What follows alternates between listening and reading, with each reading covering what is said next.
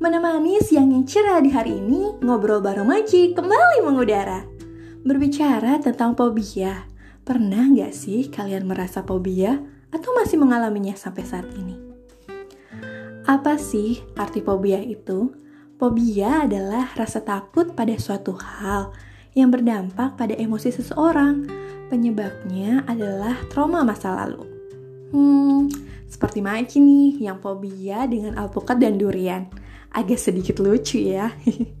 nah, kalau kamu fobia apa nih? Share pengalaman kamu di dalam kolom komentar ini. Ditunggu loh. Maci pamit. Wassalamualaikum warahmatullahi wabarakatuh.